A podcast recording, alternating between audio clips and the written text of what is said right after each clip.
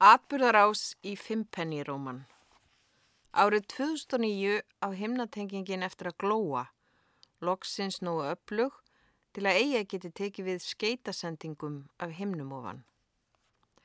Atburðarásinn sem leiði til þess, ef atburðarás skildi kalla, hefst þegar eiga hitti gömlu konuna í bónus snemma hösts 2008.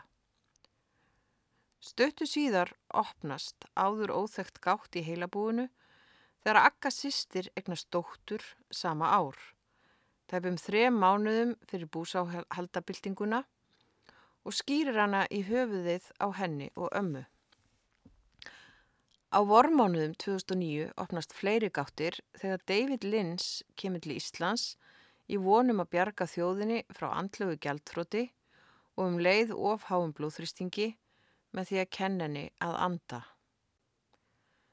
Egi að hlæra því hvað landin er auðtrúa en getur samt ekki stilt sem að prófa sjálf að gróður setja indverska möndru í höfðinu á sér.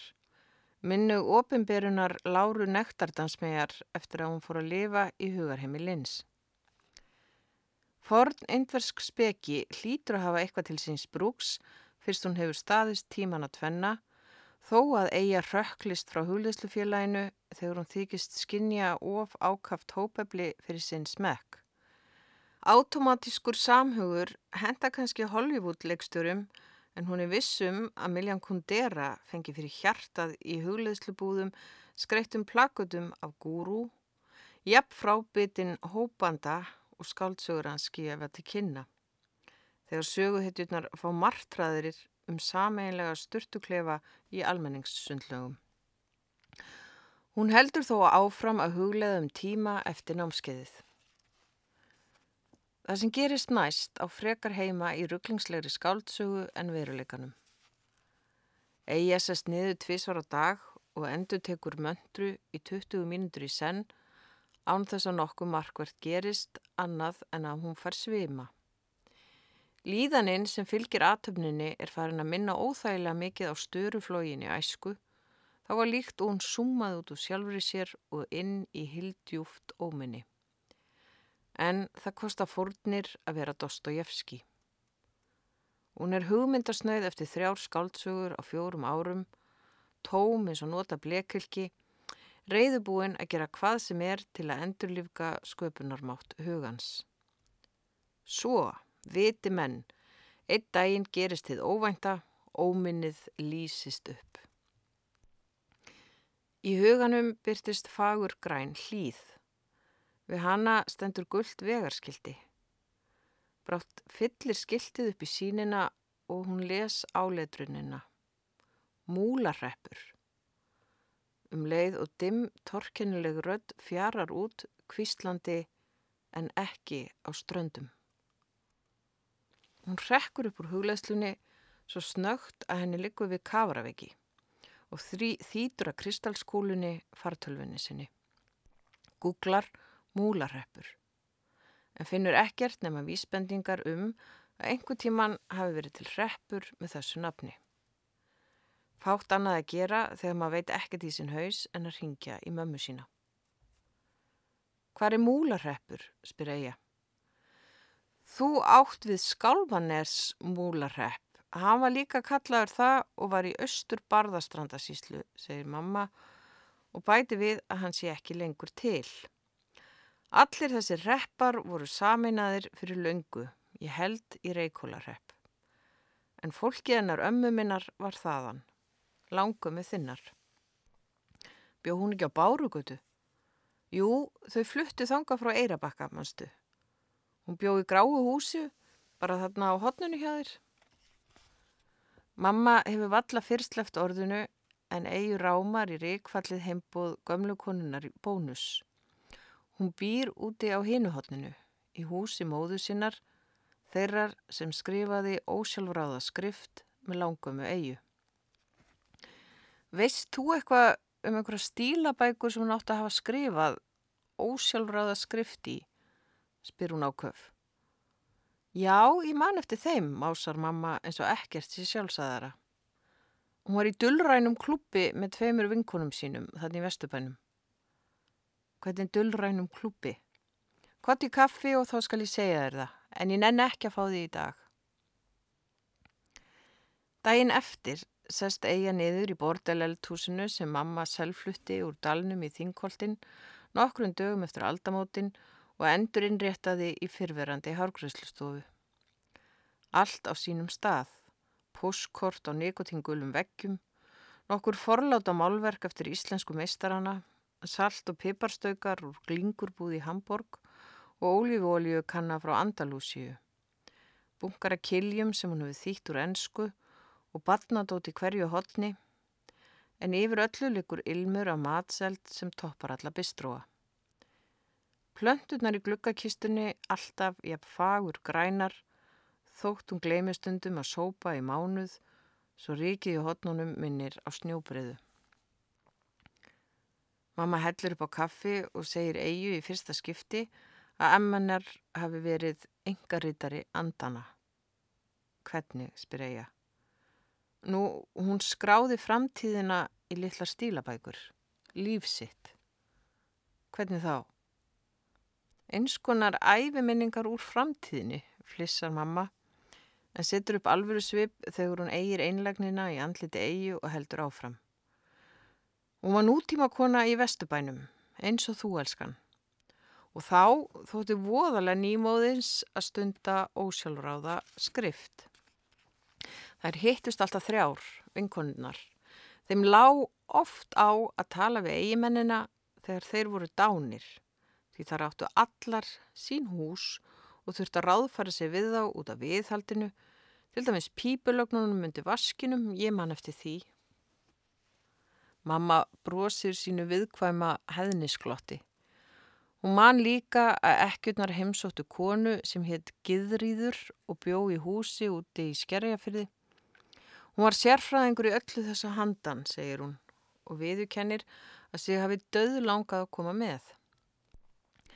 Egið kinkar áfjöð kolli. Aðalega hissa á að þessar kreppu kellur hafi allar áttu reysuleg einbílishús í vestubænum, meðan hún sjálf borgar meirinn helmingin og laununum sínum fyrir litla leigu íbúð á sama stað. Hvernig skrifa maður ósjálfur aða skrift, spyr hún mömmu. Mamma horfur hugsa á hana áður en hún segir, nú maður líti bara að loka augunum og byrja að skrifa. Þegar Eiaði komin heim kveikir hún að kerti, hugfangin af hugmyndinni um að skrifa ósjálf rátt. Raunar hefur hún ekki verið svona spennt að skrifa síðan sumarið í Svíþjóð þegar henni lág á að klambra saman sinni fyrstu sögu. Þá þurft hún að læra að hugsa. Nú langar hann að vita hvað gerist ef hún hættir því. Hún hugsaður til kvennan að þryggja og opna síðan fartölfunna sína lignir eftir augunum. Tæmir hugan, gleymir öllum hugmyndum að söguþræði. Nú ætlar hún að finna söguna í stað þess að semja hana. Hún leggur fingurna á liklaborðið og býður eitt augna blik, minnu koncertpianistans í mömmu sinni áður en hún byrjar að skrifa. Og þá kviknar ljós. Hún hefur alltaf skrifað. En í þetta skipti eru skriftirnar annað og meira. Það er eins og það er frelsi hana undan sjálfri sér og hrífi inn í veröld þar sem höfundurinn er ekki lengur til aðeins hljómur orðana. Þar lignir skáldkonan aftur augunum eins og spákonan í Keflavíkubæ sem býður skilabóða handan af svipaðri ákæð og flugumferðastjóratnir á vellinum fylgjast með flúvilum svífa utan úr heimi til landsins. Hugurinn verður sífælt hljóðari, bráðum grillir í fyrstu vísbendinguna um framvindu. Orðin svífa út úr skíjaður undir meðutundinni, olmast við að halda flugi í meðutundinni og rapa, en örf á fljúa áfram, hvert og eitt sönnun þess að í kemum hugans leynist leindardómur. Í huganum grýpur hún í hönd þeirra sem henni þykir væntum og byður þau að halda fast því alls konar veður og vindar bresti á á leiðinni inn í söguna. Atburðir, orð, tilviljanir. Atvikinn úr lífi hennar býð eftir að gerast í annað sinn innan nýrar sögu þar sem söguhetin er ekki lengur hún sjálf heldur einhver miklu sannari. Þau sapna saman í afturgengin kvirvilbil sem blæs öllu aftur á sinn stað þegar hún leggur fingurna á liklaborðið. Hún eldir orðin, leifir þeim einu af öðru að leiða sig áfram inn á áður óþægtar slóðir þangar til þau mynda kjarna. Þau fyll hana kníjandi þörf fyrir að segja litlu batni frá því sem gerðist áður en það kom í heiminn og því sem gerðist á þeirri stundu. Við mamma drukkum te þegar þú fættist, skrifar hún blindandi. Nefna hvoru okkar smakkað á því. Við kreistum botlana og hófum setningar á þess að klára þær meðan myrkrið valdi. Ég var nýkomin úr bíó, ég sem finnast um aldrei í bíó, en það hittist svona á að þú hóst ferðina inn í heiminn meðan ég bruti popp yfir bandarískum aulabröndurum. Tið var gamalt döggrænt helsutið. Guðum að vita hvað það hafði linst lengin í skápjum ömmu á þess að nokkrum hugkvæmdist að laga það. Og talandum Guð, gleymum kauða. Það síðasta sem ég vil er að hefja í tróðslu af einn eða annari tegund í dúnmjúkt barsöfuðið. Mér langar bara að segja þér frá þessu öllu. Byrjum upp á nýtt. Við þóttum strekka te, ég og mamma. Hvoru okkar gætt kynnt svo mikið sem munvatni. Svona var lífið þegar þú komst. Þegar mamma þín fætist, barði amma í rúsnesku látunströmbu sem gaf frá sér gjallandi hljóm. Hún kallaði, þú er búin að egna sýstur. Ég man ekki hvað ég hugsaði, ég man bara hvernig amma stóð eins og hersöðingi á hlaðinu við húsið sitt og ég man að haustsólinn skein á tríin og ég hafði ekki hugmyndum hvað ég var orðin rík. En ég vissi það 30 árum síðar þegar sýsti mín egnaðist þig og gaf þér nafnið okkar ömmu. Ég táraðist að fögnuði því við amma höfum alltaf skilið hver aðra þó að hún hafi stundum andvarpað ég skil bara ekkit í þér. Ég held að sé vegna þess að við erum nöfnur. Mér langar að segja þér frá henni eins og ég man hana.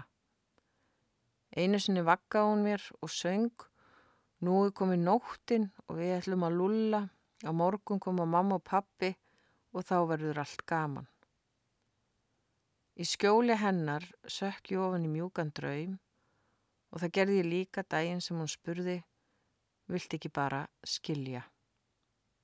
Eða hljóma betur að segja, vilt ekki fara frá þessum manni. Skrifar eiga og uppgötar að það er svo margt sem hún veit ekki um ömmu sína. Hún veit að amma satt yfir líki og bar út blöð til að leggja björg í bú þegar hún var lítill, en annars hefur eiga ekki hugsað mikið út í lífennar. Hún verður að trista orðunum til að finna hana, mæður þeirra begja og um leið sjálfa sig. Svo hún heldur áfram að skrifa til barsins, allt þar til hún verður ólétt sjálf og lengur. Ósjálfráða skrift. Leindardómskistillin Langamann átti heim á bárugutunni, nokkur skref frá heimil eigu. Eiga staldrar æg oftar við láreist einbílishúsið og virði gardin fyrir sér. Nánast í upprunalegri mynd því langamann lærði gardurkju og gróðursetti fyrir framtíðina. Hún skoðar háa túlipanna og gömul tré, síðan stríkur hún hjártliðinu sem langavennar smíðaði, í von um skeitasendingu. Hún hefur heyrt einhvern slæðing um langömmu sína. Langamann var með verslunaprófi þýsku, kendi þýsku, ensku og orgel. Hún gekk í öll verk, saumaði fött og þóði af fjölskyldunni en það var hún máttlaus í njánum af hrifningu mörgum árum síðar þegar hún sá frumstaða vél vinda þvott í kjallarannum hjá eldstu dóttu sinni. hún var lítið fyrir að syndga en glifti sig fimmpenni rómana þegar færi gafst, gegn betri vitund og laumaðist þá til að kveikja í síkaretu. En hún hætti að reykja þegar það fór að vera of gott. Eða sér hana fyrir sér drepa í síkaretunni, gráherða með sterka andlitstrætti í peysufötum. En mamma segir að þetta með peysufötin sé bara bull og vittlisa. Amma sín hefði aldrei klæðist peysufötum. Hún hafi verið meira í tröllkonu ætt en alkonu ætt. Voðalega öðruvísi en ekki fín frú, ekki til í henni fín frú, útskýri mamma í síman aðfram komin af ákafa.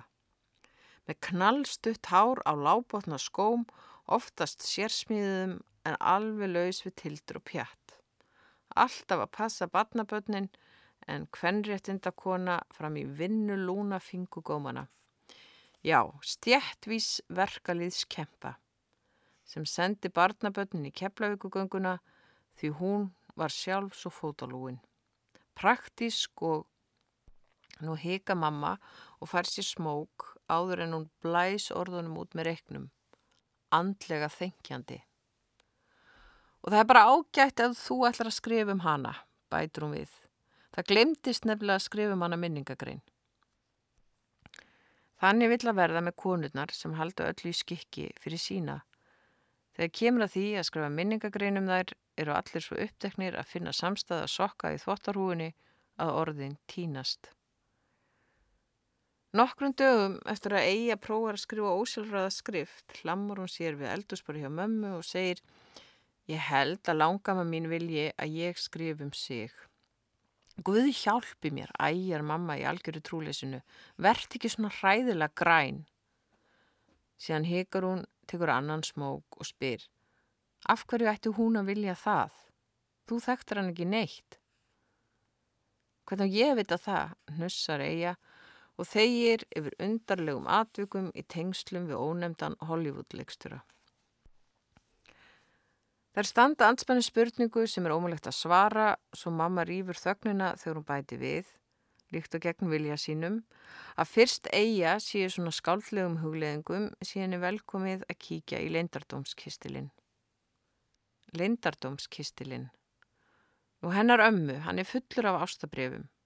Síðan hún bjóða barðaströnd og hann afi fyrir austan fjall. Þá var engin tölvupústur. Ástabrefin fóru bara með standferðaskipinu. Svo leiðis löðrand af ást að þau fengu fólk til að lifa í fegursta skáldskap. Hvar er leindadómskistillin? Eitthvað starfinn í skáp, svara mamma og hikar aftur. Síðan segir hún, ég skal koma með hann til þín þegar ég finna hann. Þú getur þó gemt hann. Dæin eftir hittast þar heima hjá Eyju. Hún gefur mömmu sinni kaffisopa með vætni viskislettu aður en þar setjast við stofuborðið. Á borðinu stendur fortfálegur kistill úr dökkum viði með jártlikli. Það setja anspannis hver annari með kistillin og millið sín og horfa feimnislega á hann. Mamma liftilags hendi til að þerra burt ósýnilegt drygg, sínilega búin að þurka af honum áður en hún kom. Hann afi smíðaðan og það fikk ekki nokkuð maður að skoða brefin, segi mamma meðan eiga kveikir á kerti. Það kemur og óvart hvað hún er hátilega á svip þegar það er opna kistilinn, svo viðblasir þykkur bunki af skraufþurum brefum með fínlegri rithönd. Skriftin hans afa, segi mamma og liftur upp skraufþurru samanbrotnu sendibrefi. Slettir úr því og les svo löngu glemdar setningar svífa á millið þeirra. Elsku hjartans vina mín. Þakka þér fyrir blómin og kossana. Nú sendi ég söðmerk og geldingarnapp og eiga þeir að færa þér marga ástarkossa frá mér. Þú skalt sannarlega fá lokk þegar hárið er farið að vaksa dálitið aftur. Næst skal ég senda þér sólei úr brekkunniðinni.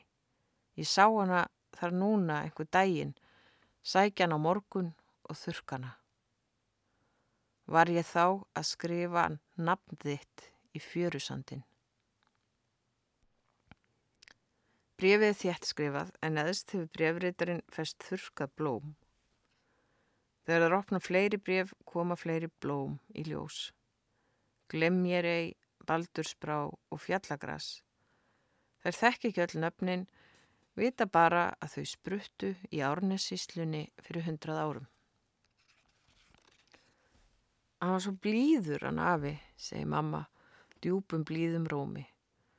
Augun sökkvinn í sjálf sig, leitandi og svo fjarlag að eigi verður samstundis ljóst að mamma býr yfir himnatengingu. Hún hallar sér fram, augun segður logandi þegar hún týnir út úr sér orðin. Ég tengd hann afa við allt gott í lífinu. Hann var með blíðustu augu sem ég hef séð, dökk og tindrandi. Og það var brjóssykurslykt af honum, því hann var alltaf með rauðan brjóssykur á sér. Í góðu veðri hjólaðan frá Reykjavík og upp í dal. Í vondu veðri koma með rútunni.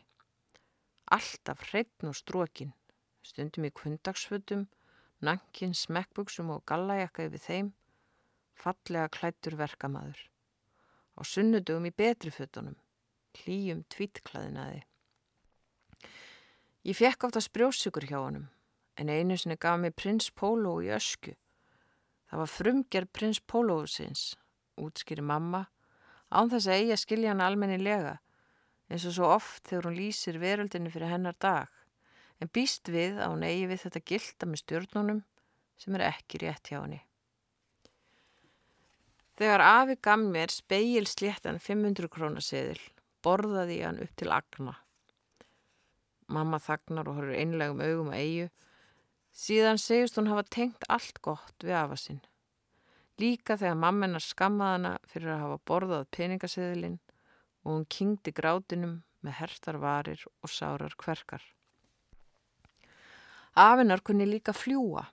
Vatni var hleyft á tún, hvoru meðgnana er nógu velað sér í landbúnaði til að giska á af hverju, en allavega, segi mamma, þegar það fröys, battan á sig skauta og segl og flög fleiri kílometra með vindin í bakið. Eija mann að amma sinni að pappa sínum hefði þótt áfengi of gott þegar hún barmaði sér yfir að mamma drikki of mikið. Amma sagði að mamma sín hefði stundum farið að ókýrast ef hann var of lengi í smiðjunni þar sem hann dundaði við játtsmiðarnar og merti þær sínu listræna handbræði. Mamma segir aftur á móti að honum hafi þótt gott að fá sér neðan í því með apotekaranum en það hafi ekki ángrað um hennar, þannig séð. Það sem fór mest í töðan á henni, segi mamma, voru kettlingarnar að keppast um hver hengdi fyrst upp þvottin á mótnana. En hún sá ekki sólina fyrir honum. Og það var alltaf svo fallegt hjá þeim, þó að þau varu fátæk og hann um tíma atvinnulegs. Í kreppinu, elska mín. Þá fór hann niður á höfn á hverju mótni til að falast eftir vinnu vaknaði fyrir allar aldir og beigð. Egi horfði oft á myndavonum á komóðun hennar ömmu. Hann var ábyrjandi laglegur með dögt hárið, vandlega kempt og augun, einmitt eins og mamma lýsir þeim, tindrandi. Og kannski dreymin. Í það minnst að skrifa hann ljóð. Hún vildi að hún hefði þekkt hann. Hann dó áður en hún fættist Bíl kerði yfir hann fyrsta daginn eftir að hann hætti loksins að hjóla til að friða sína nánustu. Hún gapur upp í mömmu sem talar með himnatenginguna rauðglóandi. Fyrir hann varir fær hann að skrifa ósilúraða skrift þegar hún hripa niður setningar sem flæða út úr henni þannig að hinum hefur borðið með kvíta súlu upp úr höfðinu þegar hún sípur á viskibættu kaffinu í fjarrænum transi. Saman finna þær söguna.